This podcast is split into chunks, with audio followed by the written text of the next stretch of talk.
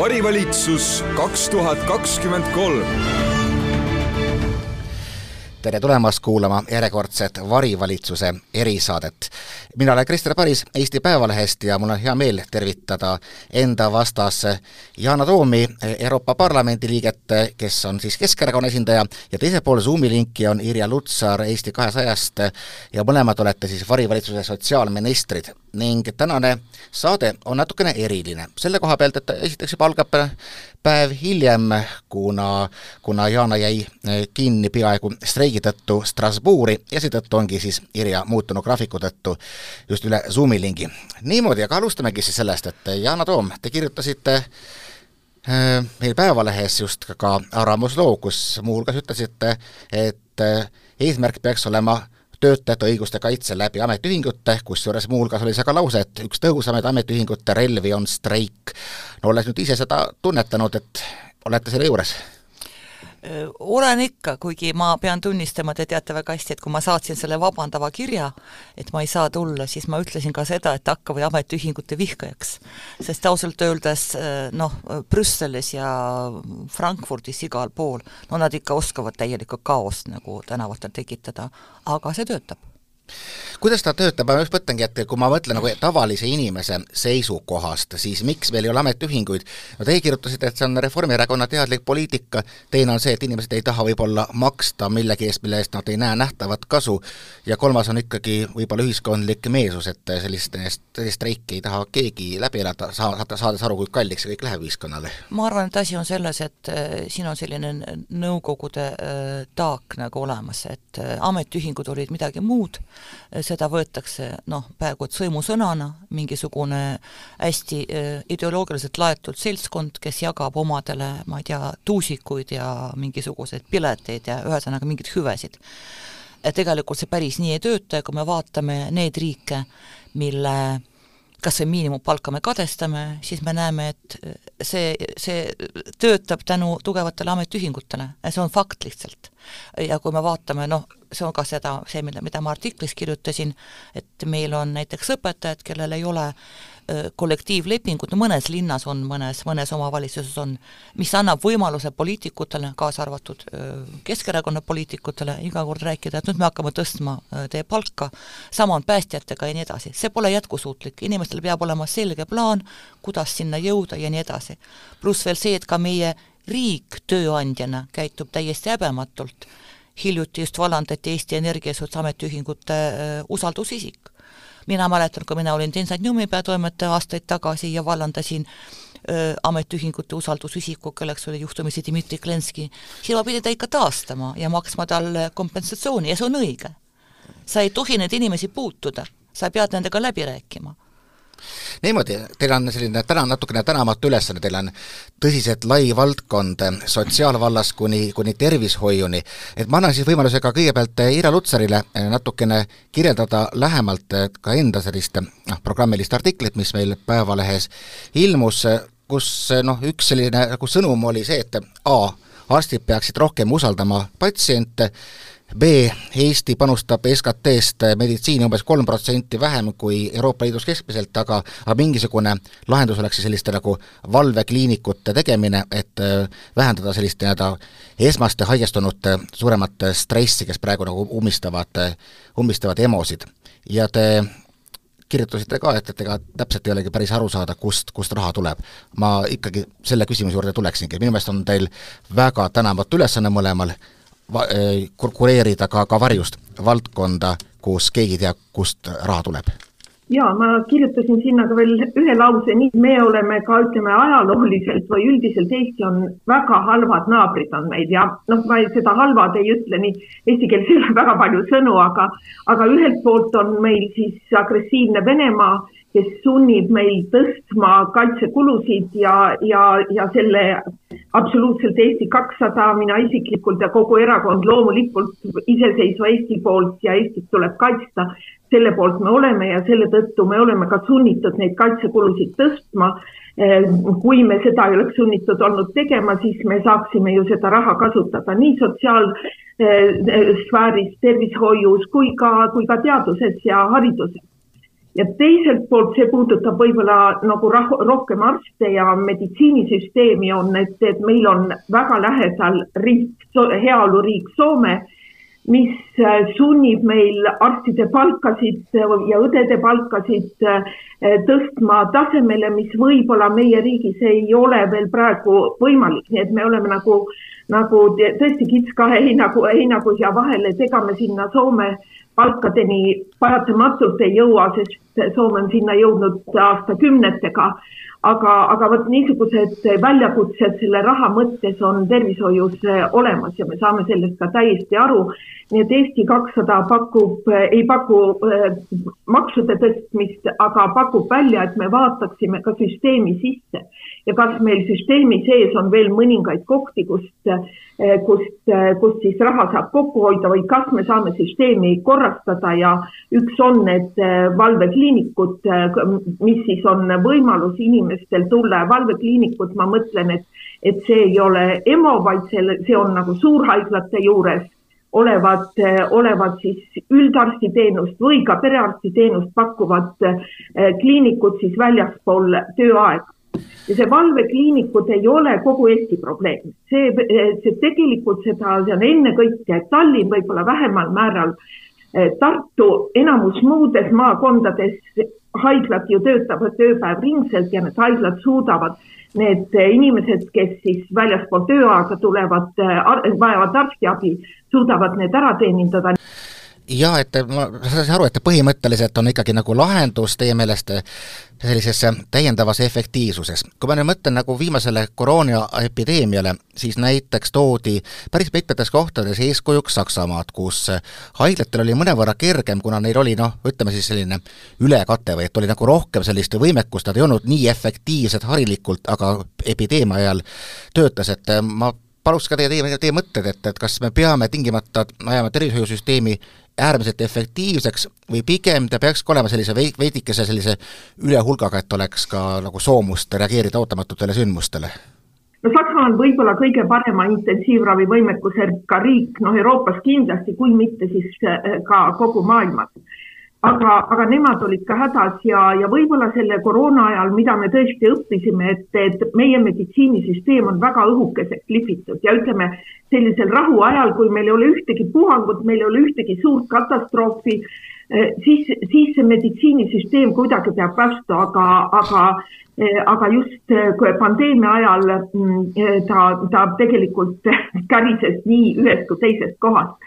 kus ma nägin, et pandeemia ajal läks asi paremaks, kui me haarasime siia meditsiinisüsteemi ka maakonnahaiglad. ja kui maakonnahaiglad hakkasid Covidi haigeid ravima, kes ei vajanud väga spetsiifilist ravi, siis, siis oluliselt kergemaks läks,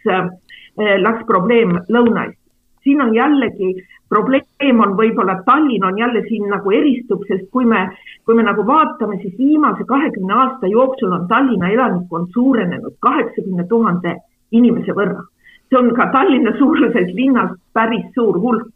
ja minu parima teadmise juures me haiglakohtasid ei ole suurendanud.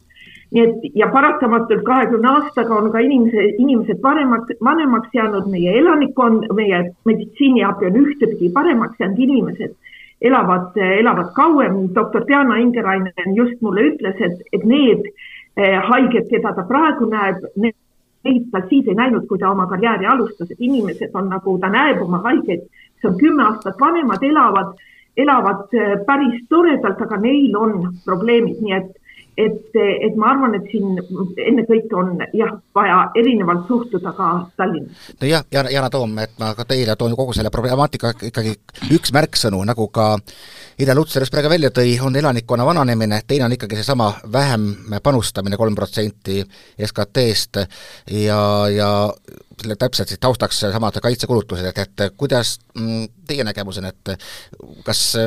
oleme kuskil, on mingis balansis on midagi valesti? no esiteks on meil valesti see, et meil on äh, kuus protsenti elanikkonnast ilma ravikindlustuseta ja meil on kuusteist protsenti rahuldamata arstiabi, me seal platseerume kuskil, Kreeka on järgmine, neil on kaheksa protsenti, siis on Serbia, kellel on kuus. nii et me oleme siin nagu teatud mõttes nagu rekordsmenid. ja seesama äh, kindlustuseta inimeste osakaal muidugi mõjutab seda üldist pilti. nii et esimene samm, mida tuleks ära teha, on muidugi kõigile ravikindlustus, mis pole tegelikult üldse nii kallis, see on seitsekümmend üheksa miljonit. ja see on see investeering, mis äh, tasub ära, kusjuures isegi mitte pikas plaanis, vaid palju varem sest no me saame väga hästi aru, et kui inimene ei pääse ravile, siis lõppude lõpuks äh, see tema ravi muutub väga kulukaks. ja tegelikult ma üldse ei võrdleks ennast Saksamaaga, see on selline soovmõtlemine, me oleme ikka väga erinevad. ja see, et me räägime siin efektiivsusest, meil on ju öö, öö, arste on nagu neid on, neid on vähe, et kui paar aastat tagasi ma veel mõtlesin, vaadates nagu Euroopa pilti, et miks mitte teha seda, näiteks inimene õpib ja siis ta, ma ei tea, on sunnitud siin kolm aastat töötama ja nii edasi, mulle küll vaieldi vastu, et see on vaba liikumise põhimõtte riivamine, aga see poleks ka lahendus, sest lihtsalt neid inimesi nii palju ei ole, Irja tõi selle ka välja siin ühes hilises debatis, et need arstitudengeid, isegi need kohad ei saa täis ja veel lõpetavad mingi kaheksakümmend protsenti nendest. meil on vaja juurde õdesid ja selleks tehti ka teatavad sammud. Siis, kui Tanel Kiik oli äh, sotsiaalminister, siis nad tegid, ma saan aru, väga hästi koostööd äh, Liina Kersnaga, kes oli tollal haridusminister, ja siis suurendati seda õdede vastuvõttu. see on see nagu pikema plaani lahendus, aga seda ka ei juhtu homme. nii et esimene samm on ikkagi ravikindlustus kõigile ja muidugi kõik need asjad, kus me näeme need kitsaskohad, kus meil on äh,, kuidas seda nagu rahuldamata arstiabi probleemi lahendada, muidugi valvekliinik on lahendus aga sinna on vaja sedasama meedikut, keda tegelikult ju ei eksisteeri, seda väga nagu ei ole. nii et seda nagu pika lahendusena ma küll ei võtaks, see on selline tule kustutamine. meil on vaja lihtsalt rohkem raha suunata sellesse valdkonda, see on ilmselge. ja kui näiteks Hiire Lutsar tõi just välja, et, et on täiesti arusaadav, et meil on praegu vaja tõsta kaitsekulutusi, sellele te vastu ei vaidle ei, sellele ma vastu ei vaidle, sest me kõik saame aru, kus me praegu oleme ja ma saan aru, et see on väga lai konsensus, on kõikidel erakondadel on seal kolm protsenti enamgi veel, et siin ei ole nagu midagi vaielda, vaadakem uudiseid. niimoodi, aga läheme siis kohe edasi sellise järgmise veidikene provokatiivse teema juurde Eesti kontekstis. kui me vaatame teisi riike, kes on eriti nagu õdede puudust lahendanud lihtsalt sisse toodud tööjõuga, no esimesena tuleb mul endale pähe Suurbritannia, mille meditsiinisüsteemi ma vist tavainimese tasandil kellelegi eeskujuks ei, ei seaks, aga ikkagi seal on noh, lihtsalt lahendatud sellega, et nende endistest asumaadelt on tulnud sinna inimesi, no meil ka praegu noh, potentsiaali nagu oleks, et kas peaksime seda suunda edasi minema, sest et noh, täpselt, et sünnikohordid on nii väikesed, et ei saa ju täis kuidagi neid õppekohtigi. Kui te mäletate, mis siin juhtus mõned aastad tagasi, et meil Keeleinspektsioon läks äh, Ida-Virumaale ja tegi seal, ma ei tea, mitusada trahvi ettekirjutust Venemaalt tollal veel, see oli enne sõda, Venemaalt ja Ukrainast ja Valgevenest tulnud meedikutele, kes ei teadnud eesti keelt vajalikul tasemele. selles mõttes Suurbritannias on palju kergem, sest kogu maailm räägib inglise keelt nii või naa. meie ka võiksime minna sinna tööle, on ju, ilma probleemita. Eesti keelega lood niimoodi ei ole. ja kui me, kuna me ei ole nõus korraldama tööd niimoodi, et ma ei tea, ühes vahetuses näiteks on üks niinimetatud umbkeelne õde ja teine siis nii-öelda eestikeelne, no siis me oleme seal, kus me oleme. sest öö, samas me teame, et Soome suudab seda teha. Nad äh, kutsuvad enda juurde meedikud ja lihtsalt lasevad inimestel õppida keelt maksavad selle eest, inimene istub üheksa, üheksa kuud ja õpib keelt ja siis asub tööle. meil sellist programmi pole olnud ja ma ei näe, et oleks mingisugune konsensus poliitiline sel teemal olemas. Irja Lutsar, kuidas teie näete väljapääsu olukorras, kus noh, tõesti inimesi lihtsalt ei jätku? ja ma tulen, tulen veel korra mõne asja juurde tagasi, et seesama rahuldamata arstiabi, see on nagu väga huvitav, et kui me vaatame, ma olen Janaga väga nõus, Eesti on esimesel kohal ja Kreeka on teisel kohal. ja, ja noh, need protsendid on erinevad, ma siin paar päeva tagasi televiisoris pakuti kaksteist koma seitse ja kaksteist koma kolm ja Janal olid natuke teised, aga see ei ole tähtis. aga kui me vaatame nüüd arstide arvu siis Kreeka on absoluutses Euroopa tipus arstide arvust tuhande elanikukonna ela,, elaniku, elaniku kohta. Nii et neil on kuus tuhandele, meil on kuskil kolm koma kuus. nii et, et tegelikult see paneb mind mõtlema, et kas seal on ikka otsene korrelatsioon, et neil on suur ravivajadus, et ega, ega me peame arstidega ka mõtlema, et ega nendes riikides, kus arste üle toodetakse, ega nemad ka õnnelikumad ei ole et arsti, arstiõpe on kallis, nii et, et selles mõttes, et me oleme küll seal Euroopa Liidu keskmises, arstidega ei ole väga hull ja arstiõpe on, on, on väga pikk, aga mida me saame kiiremini toota, on küll õdesid ja, ja ma väga ka noh, ja Eesti kakssada tahab ka väga suurendada, veelgi suurendada Ehm, õdede vastuvõttu, sest õeõpe kestab kuskil kolm, kolm aastat ja, ja, ja õdedest on, hea õde on tegelikult rohkem väärt kui halb arst. nüüd, mis puudutab selle, selle importi või, või tööjõu importi, siis ma olen Jaanaga siin ka väga nõus, et kõigil peaks see tervisekindlustus olema. nüüd, mis puudutab seda õdede ja, ja arstide sissetoomist, siis tõesti keeleprobleem on. Ehm, meil on terve rida inimesi, kes ei saa vene keelest aru, mul on omal peres olnud ka selliseid olukordi, kus vana inimene lihtsalt ei saa aru, mis ta peab tegema, nii et see, see keeleõpe on hädavajalik. Ja, ja minu teada praegu on juba alanud ka, ka Ukraina, Ukrainast tulnud õdede väljaõpetamine, nii keeleõpe, aga, aga ka nende kurssi viime, viimine siis meie meditsiinisüsteemi nõuetega. ma arvan, et me enne peaksime ikka kõigepealt vaatama, et kas me saame ise õdesid juurde koolitada ja, ja päris ära, ära unustada, muidugi ei saa seda meditsiinitöötajate importi ja nii nagu ma ütlesin, Euroopas on vähemalt mõned riigid, kes on arste üle tootnud, üks nendest on Kreeka ja teine on Portugal no kui me räägime nagu raha sissetoomisest või juurdetoomisest, siis on hästi noh, populaarne tegelikult mõttekäik praegu, eriti parempoolsetelt erakondadelt, on ikkagi rohkem eraraha, mis tähendab iseenesest no ka, ka meil näiteks siinsamas Päevalehes ju rakendus see eraravikindlustus, mis annab võimaluse minna teatud summa eest eraarstide juurde. samas vastuväited on ju see, et noh, needsamad erakliinikud võtavad ära tegelikult arste sellest samast bütist, kus, kus me veel oleme, et, et teist, teiste arv jääb selle võrra viletsamaks, et äh, mis te arvate, kas, kas teie oleksite need, kes julgeksid puutuda praegust sellist solidaarset ravikindlustussüsteemi ja midagi selle, sealt muuta, et, et noh, lihtsalt saadata inimeste käest rohkem raha sisse sinna vabatahtlikult? mis puudutab erakindlustust, siis Eesti kakssada loomulikult ei ütle erakindlustusele ei, aga me peame väga selgeks tegema omale, et, et meil on mingid baasvajadused mida ei saa erakindlustusega katta. erakindlustus võib pankrotti minna, erahaigla võib enda kinni panna, erahaigla võib homme oma suunda muuta, nii et meil kindlasti peab olema see solidaarne tervisekindlustus mis on siis kõigile tagatud. kui me võtame intensiivravi, sünnitusabi on küll olnud ka era, erakindlustuse peal, aga praegu enam ei ole, traumade ravi, eh, kõik niisugused äh, onkoloogiline ravi, mis on kallis, väga spetsiifiline ja, ja mida me ei saa ka väikses riigis dubleerida, sest see nõuab väga spetsiifilisi oskusi. kui me nüüd vaatame seda Covidi aega, Covid annab meile palju õppetunde, siis paremini läks nendel riikidel, kus oli solidaarne kindlustus. noh, niisugune klassikaline erakindlustuse maa nagu Ameerika Ühendriigid, neil läks väga kehvasti, vaatamata sellele, et nad on maailma kõige rikkam riik ja panustavad meditsiini väga palju. Aga, aga erakindlustus võiks jääda, jääda võiks kindlasti jääda võimaluseks, et kui inimesed või, või, või ka asutused oma töötajate eest tahavad eh,, tahavad maksta ja, ja erapraksis on, on olemas eh,, noh, teatud erialadel see võib olla, aga kindlasti seal peab riik väga kontrollima, et, et tõesti riiklikust süsteemist ei tõmmataks arste ära, nii et, et kahe koos eksisteerimine oleks, oleks meie poolt pakkumine. Jaan, on, on see tehtav? no ma ei hakkaks siin nagu jalgratast leiutama selles mõttes, et no kuna Irja on sellest süsteemist nagu välja kasvanud inimene, mina olen poliitik, siis mina pidin ennast harima nagu teise, teise nii-öelda nurga alt.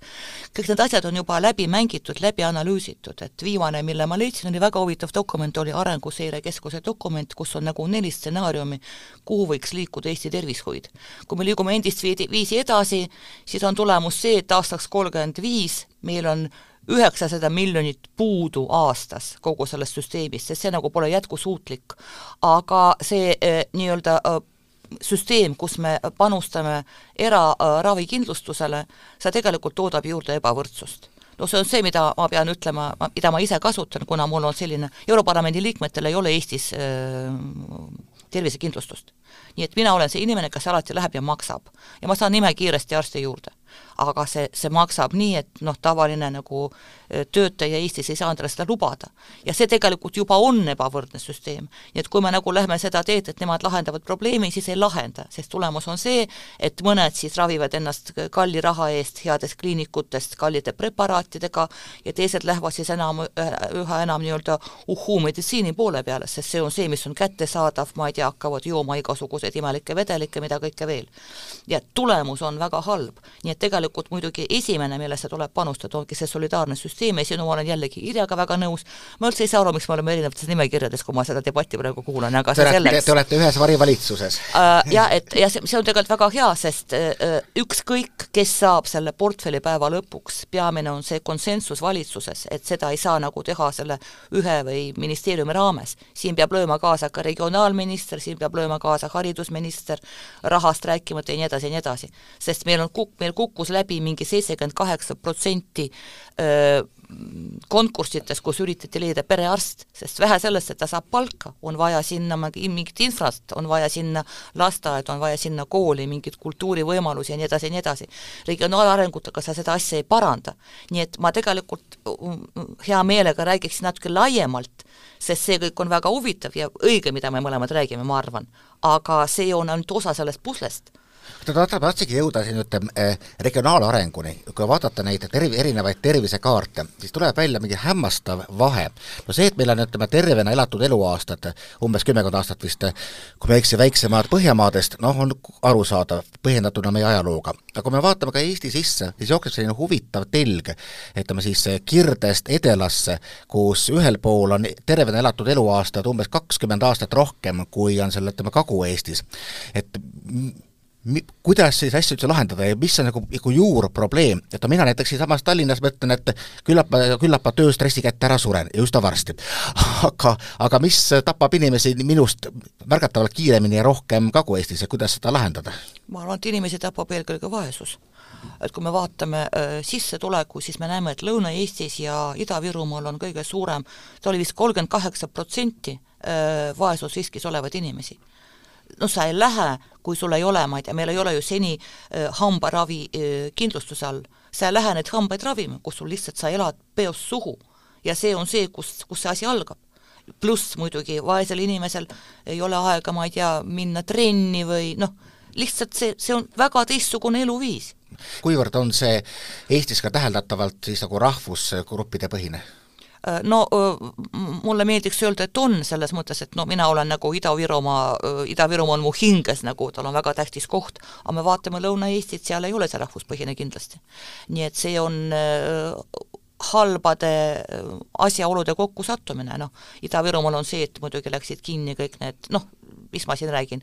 kõik need nagu ettevõtted ja praegu see olukord on nagu ta on, investeeringud sinna väga ei meelita, sest me oleme, me kogu aeg räägime, et me oleme sõjaeelses olukorras, noh, sa pead nagu valima, kas sa tahad raha või sa tahad olla sõjaeelses olukorras, valikuid väga ei ole, et kõik see nagu mõjub. Lõuna-Eestis omamoodi, oma, oma oma, omad probleemid, aga nii et see pole rahvuspõhine, see on lihtsalt, no rahvuspõhine ta on ka, aga mitte ainult. Jah, ma vastan, et mul on selles mõttes hea vastata, et ma olen ise sellest samast Kagu-Eestist pärit, et minu perekond on Võrust pärit, aga mina olen üles kasvanud Räpinas ja lõpetanud Räpina keskkooli koos Tartu linnapea ja Tartu Ülikooli rektor ka. nii et, et ja ma näen väga suurt rolli siin ka hariduses et see sõltub, et, et, et kui sa oled nagu puutöömees, kui sa kaheksanda või üheksanda klassi lõpetasid ja, ja sa oled nagu rasket tööd teinud ja, ja loomulikult mängib seal rolli ka alkohol Äh, siis, siis ongi su tervis nagu kehvem. Ja, ja see riik, riik on tegelikult väga ära unustanud siiani ja me nüüd tuleme natuke tervishoiu juurest nagu kõrvale, aga riik on tõesti selle Lõuna-Eesti ära unustanud ja samuti, samuti on ära unustatud Ida-Virumaa, millele nüüd küll viimasel ajal rohkem tähelepanu on pööratud, et, et ma näen eh,,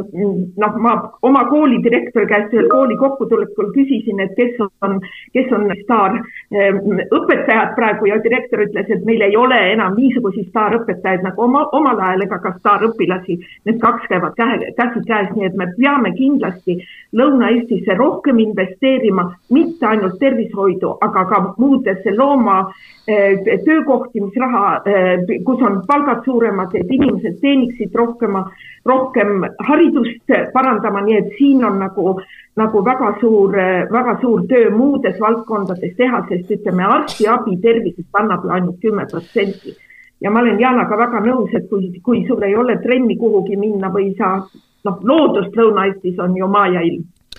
Niimoodi, jõuame siis oma jutuga väikselt elukaare lõppu, et valitsus veel mõni aeg tagasi esitles oma suure töövõiduna seda, et nüüd siis saab inimene põhimõtteliselt pensioni eest endale hooldekodu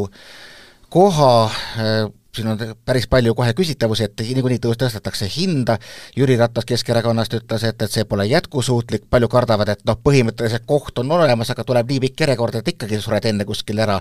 minu arust on valitsus hakanud seda asja nagu keskelt, et, majale on nagu pandud selle esimese korruse trepid ära tehtud. Aga, aga vundamenti ei ole ja, ja noh, katus tuleb siis loomulikult kõige viimasem et, et tegelikult, kui me vaatame nüüd eakat inimest ja, ja meil, ma usun, igal Eestil, eestlasel on kogemusi, et eakas inimene kõige, kõigepealt ei taha oma kodust ära minna. et, et kõigepealt peaksid olema ikkagi need teenused, eakas inimene saaks võimalikult ka, kaua olla kodus. et, et talle võib-olla tuuakse süüa, keegi käib korra päevas, sotsiaaltöötaja käib läbi, vaatab, et kõik on hästi. nüüd sellest järgmine etapp võiks olla et, et on need heaolukeskused või kus siis ütleme, inimene võib-olla ta ei saa enam Lõuna-Eesti külas elada, kus vesi on kaelus ja puud on metsas, aga, aga ta saaks kogu, kolida heaolukeskusesse ja ikkagi elada. Iseseisvalt, aga selles heaolukeskuses on tal võimalik kasutada arstiabi, talle tuuakse sööb, seal on ka juhtumikorraldaja, kes teda siia ja sinna transpordib, et, et see niisugune hooldekodu on ikka, ikkagi see, see viimane võimalus ja, ja seal on juba niisugune hooldus, ma kardan, et, et seda pensioni eest välja ei tule. Ja viimane asi, mis ma tahaks öelda, et, et meil hakkab praegu vanaks saama see põlvkond, kes enam ei ole nii vaene, nii nagu olid minu vanemad, kes, kellel oligi, neil ei olnud Vene ajast mitte midagi eh, kõrvale panna, sest ei olnud midagi kõrvale panna. Aga praegu juba hakkab vanaks saama põlvkond, kellel, kellel on metsa, kellel on maad, kellel on korter, kellel on äh, maja. et, et me ei peaks neid inimesi, kellel on võimalus, neid ei peaks riik toetama ja kõik ei ole siin elus nii õnnelikud. meil on halvemini läinud, me peaks pigem toetama inimesi, kellel ei ole mitte midagi ja, ja mitte tingimata neid, kes saaksid ise ka oma hoolduse eest maksta. No ma pean siin nüüd vastu vaidlema kindlasti, et ma selle, selle esimese osa ma jätan nii, nagu ta oli, see on kõik väga õige, et äh, tuua see abi inimesele lähedale äh,, kus see võimalik on. kuigi muidugi, kui ma vaatan, ma ei tea, geograafiat, siis muidugi linnas, ma ei tea, Tallinnas on see palju kergem kui kuskil seal talude vahel, ma ei tea, Obinitsas joosta, on ju, noh, lihtsalt see ressurss on teistsugune, see ajakulu, see kõik on teistsugune ja, ja see inimressurss kohal ka on teistsugune. aga kui tulla hooldekodu juurde, siis see mõte, et kui inimesel on korter või maja või ma ei tea, mis iganes, siis nagu ta ei, ei, ei, ei ole välja teeninud selle võimaluse, et ta saab oma pensioni eest hooldekodukohta, sest see küll tundub kuidagi nagu väga väär, sest inimese, inimene nagu kogu elu töötas, selleks, et siis oma viimased aastad, palju seal alles on, elada mingis hooldekodus ja olla kindel, et talle viis korda päevas kolme asemel vahetatakse pampersit, tundub kuidagi väga jõhker. Mis puudutab seda pensionivõimalust, siis oli selgelt välja antud lubadus et äh, need olid vist sotsiaaldemokraadid, kes veel ütlesid välja ähm, kõneluste ajal, et nüüd on kokku lepitud, nüüd saab pensioni eest. no ei saa pensioni eest. aga praegu vaat-, vaadates neid valimisprogramme, ma saan aru, et eranditult kõik erakonnad, kes saavad valituks, osutuvad valituks, lubavad nelja aasta jooksul tõsta pensioni tuhande või isegi tuhande kahesaja euroni. noh, mis on tegelikult tehtav ja selle raha eest juba peaks saama küll, kui me lepime kokku, mis on see teenuste nagu miinimumpakett, mille eest me maksame. sest niipea, kui ilmus seesama pressiteade äh, sots-, sotsidelt, siis järgmine päev, mul oli just parasjagu ühe lähedase inimesega see äh, koha otsimine, siis see kind kohe hüppas lakke, sest tuli välja, et on järjekord juba ukse taga, sest inimesed võtsid seda kuulda ja uskusid, et nüüd nii läheb.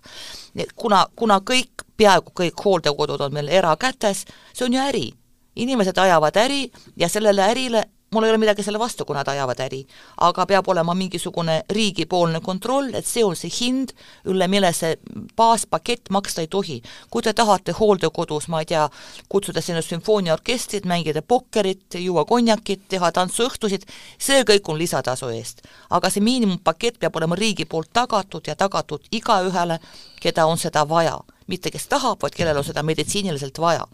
nii et ma arvan, et siin me oleme ikka natuke erinevatel seisukohtadel Irjaga. me oleme küll erinevatel seisukohtadel, et, et aga, aga mis ma näen, mida ka praegu inimesed teevad, et, et inimesed juba et ei, ei võtagi, ei, ei päri nagu oma eakate vanemate korterit, müüvad selle maha ja tasuvad hooldekodusse ja, ja ma, ma kardan, hooldekodude hinnad olid juba mõned aastad tagasi tuhandest väga palju maha jäänud ja, ja ma kardan ka nagu Jaanagi, et, et need hinnad, hinnad tõusevad ja, ja noh, see sõltub ka suures hulgas, mis on see inflatsioon, kui inflatsioon peatub, siis äh, kolme-nelja aasta pärast tuhat kakssada ei ole väike, väga väike summa. kui niisuguses tempos inflatsioon edasi läheb, siis võib-olla see tuhat kakssada ei olegi enam mingi raha, ma ei tea, mis juhtub niimoodi, aga hakkame väikseid otsi kokku tõmbama, lihtsalt meie saateaeg saab otsa. ma tahtsin lasta kommenteerida ka siis eilset valitsuse istungit, aga tegelikult seal ütleme, sotsiaalvaldkonnas ikkagi oli oli üsna vähe otsuseid, võib-olla ainukesena, mis jäi mulle niimoodi kõrva, oli siis konkreetselt raha eraldamine eh, siis koolieelikute ja puudega laste eh, transpordiks, mis eh, tänu Euroopa Kohtu otsusele vahepeal kohustus ära võeti firmade käest, aga ma nüüd äh, võtaks nagu lõpuks, küsiks teie käest, et ma tahan ikkagi, noh, te olete ministrid, te olete variministrid, te peate kuidagi suutma ka praegust valitsust hinnata. et äh, ma ei, ma ei, ma ei piiraks seekord teid üldse nagu teie enda valdkonnaga, vaid et nagu võtame nii-öelda viimase sellise nädala ämbri ja võib-olla ka nädala maasika, ehk siis kui võime ka, võime ka kiita valitsust, et et mis see teie poolt oleks, et ma, Jana, ma korraks sind nagu provotseeriksin, et vaatan, kuidas Jevgeni Kristofovitš, üks Reformierakonna poliitik, ütleb, et, et sinu peamine nagu nädala teema on olnud ühelt halli passi inimese vist väljasaatmine Eestist, et kas, kas see võiks olla nädala ämber või on ikka midagi hullemat? no see, see on ämber, aga see on ämber, millega ta tegeleb ise ja kohtus näeme. ämber tabas mind täna hommikul kui ma tegin lahti venekeelse Postimehe, ilmselt see artikkel oli ka eestikeelses Postimehes, mina seda seal ei näinud ega otsinud, see oli Riina Solmani äh, arvamuslugu, äh, mis, mille, mille sisu oli lühidalt see, et tuleb ära võtta hääletamisõigus kohalikel valimistel Vene kodanikelt, siin pole nagu midagi uut Isamaa puhul, aga kuna Riina ilmselt annab endale aru, et sel juhul äh, kohaliku võimu legitiimsus oleks väga küsitav, sest näiteks Narva linnas on kodanike arv, kui seal on pooleks, on hästi, minu meelest isegi poolt ei ole, äh, siis tema ettepanek on see, et siis ta pikalt räägib sellest, kuidas venelased on erinevad, neil on erinevad arusaamad sellest, mis on, ma ei tea, korruptsioon, mis on demokraatia, mis on õige, mis on vale, siis peakski Ida-Virumaalt ära võtma kohalikelt omavalitsustelt mingid pädevused, anda need riigile ja riigi juhtimise all, all lööks siis, ehk siis Riina Solmani juhtimise all ilmselt, siis löökski nagu Ida-Virumaa õitsele, ma lugesin ja mõtlesin, et proua, kas te olete ikka Eesti põhiseadust ka lugenud vahepeal. nii et kui eile ma sain aru, ma pean ämbrist rääkima, siis ma kaalusin kahe vahel, kas Lea Tõnisson-Järg või Riina Solman, aga Riina, sina seekord võitsid. Irja, kes, kes, kes, kes siin oma võidab? Äh, no sellel nädalal, no mul päris õige on, et sellel praegu ju mitte midagi ei toimu, et, et ma pean nagu iga päev mõtlema, et, et ma olen ka küsinud valitsuse käest, ma mõtlesin, et nad on puhkusel, aga tegelikult ei ole. et, et selles mõttes sellel nädalal, no hakkas, mulle hakkas muidugi väga silma see eutanaasia debatt ja ma, ma arvan, et see eutanaasia debatt peab, peab jätkuma ja ma paneksin rõhu sellele sõnale debatt mitte sõnale seadus, et, et meie ühiskond ei ole kaugeltki sealmaal ja ka mul on nagu, nagu väga hea meel, et võttis, noh, ütleme, see oli Riigikogu liige, võib-olla see võiks natuke ka laieneda, võiks selle maasika ma annaksin doktor või professor Hele Everausile, kes võttis sellel teemal Postimehes sõna ja temale siis sekundeeris ka perearst doktor Eero Merilind, kes, kes nagu võtsid hoogu maha. mul kohati jäi juba mulje, et me oleme juba sealmaal, et, et legaliseerime kanepi ja eutanaasiat, eutanaasiaga tegelema, et, et selles mõttes äh, suur aitäh äh, nendele äh, just ennekõike Ele Everausile, kuna ta on Riigikogus, et, et ta selle teema üles võttis ja võib-olla sellel teemal ka hoogu maha tõmbata. ma tean, et me oleme vastas, vastaserakondades, aga, aga, aga, aga kui on midagi hästi, siis tuleb kiita. no vähemalt sellise positiivse noodiga võib-olla ka, ka hea lõpetada, muidu teil on noh, täpselt valdkond, kus tundub, et on halb ja saab minna ainult hullemaks, aga ka võib-olla saab sinna siis ka paremaks. aitäh, Irja Lutsar ja Yana Toom, mina olen Krister Paris ja jälle kuulmiseni siis veel vähemalt üks nädal varivalitsuse erisaates varivalitsus kaks tuhat kakskümmend kolm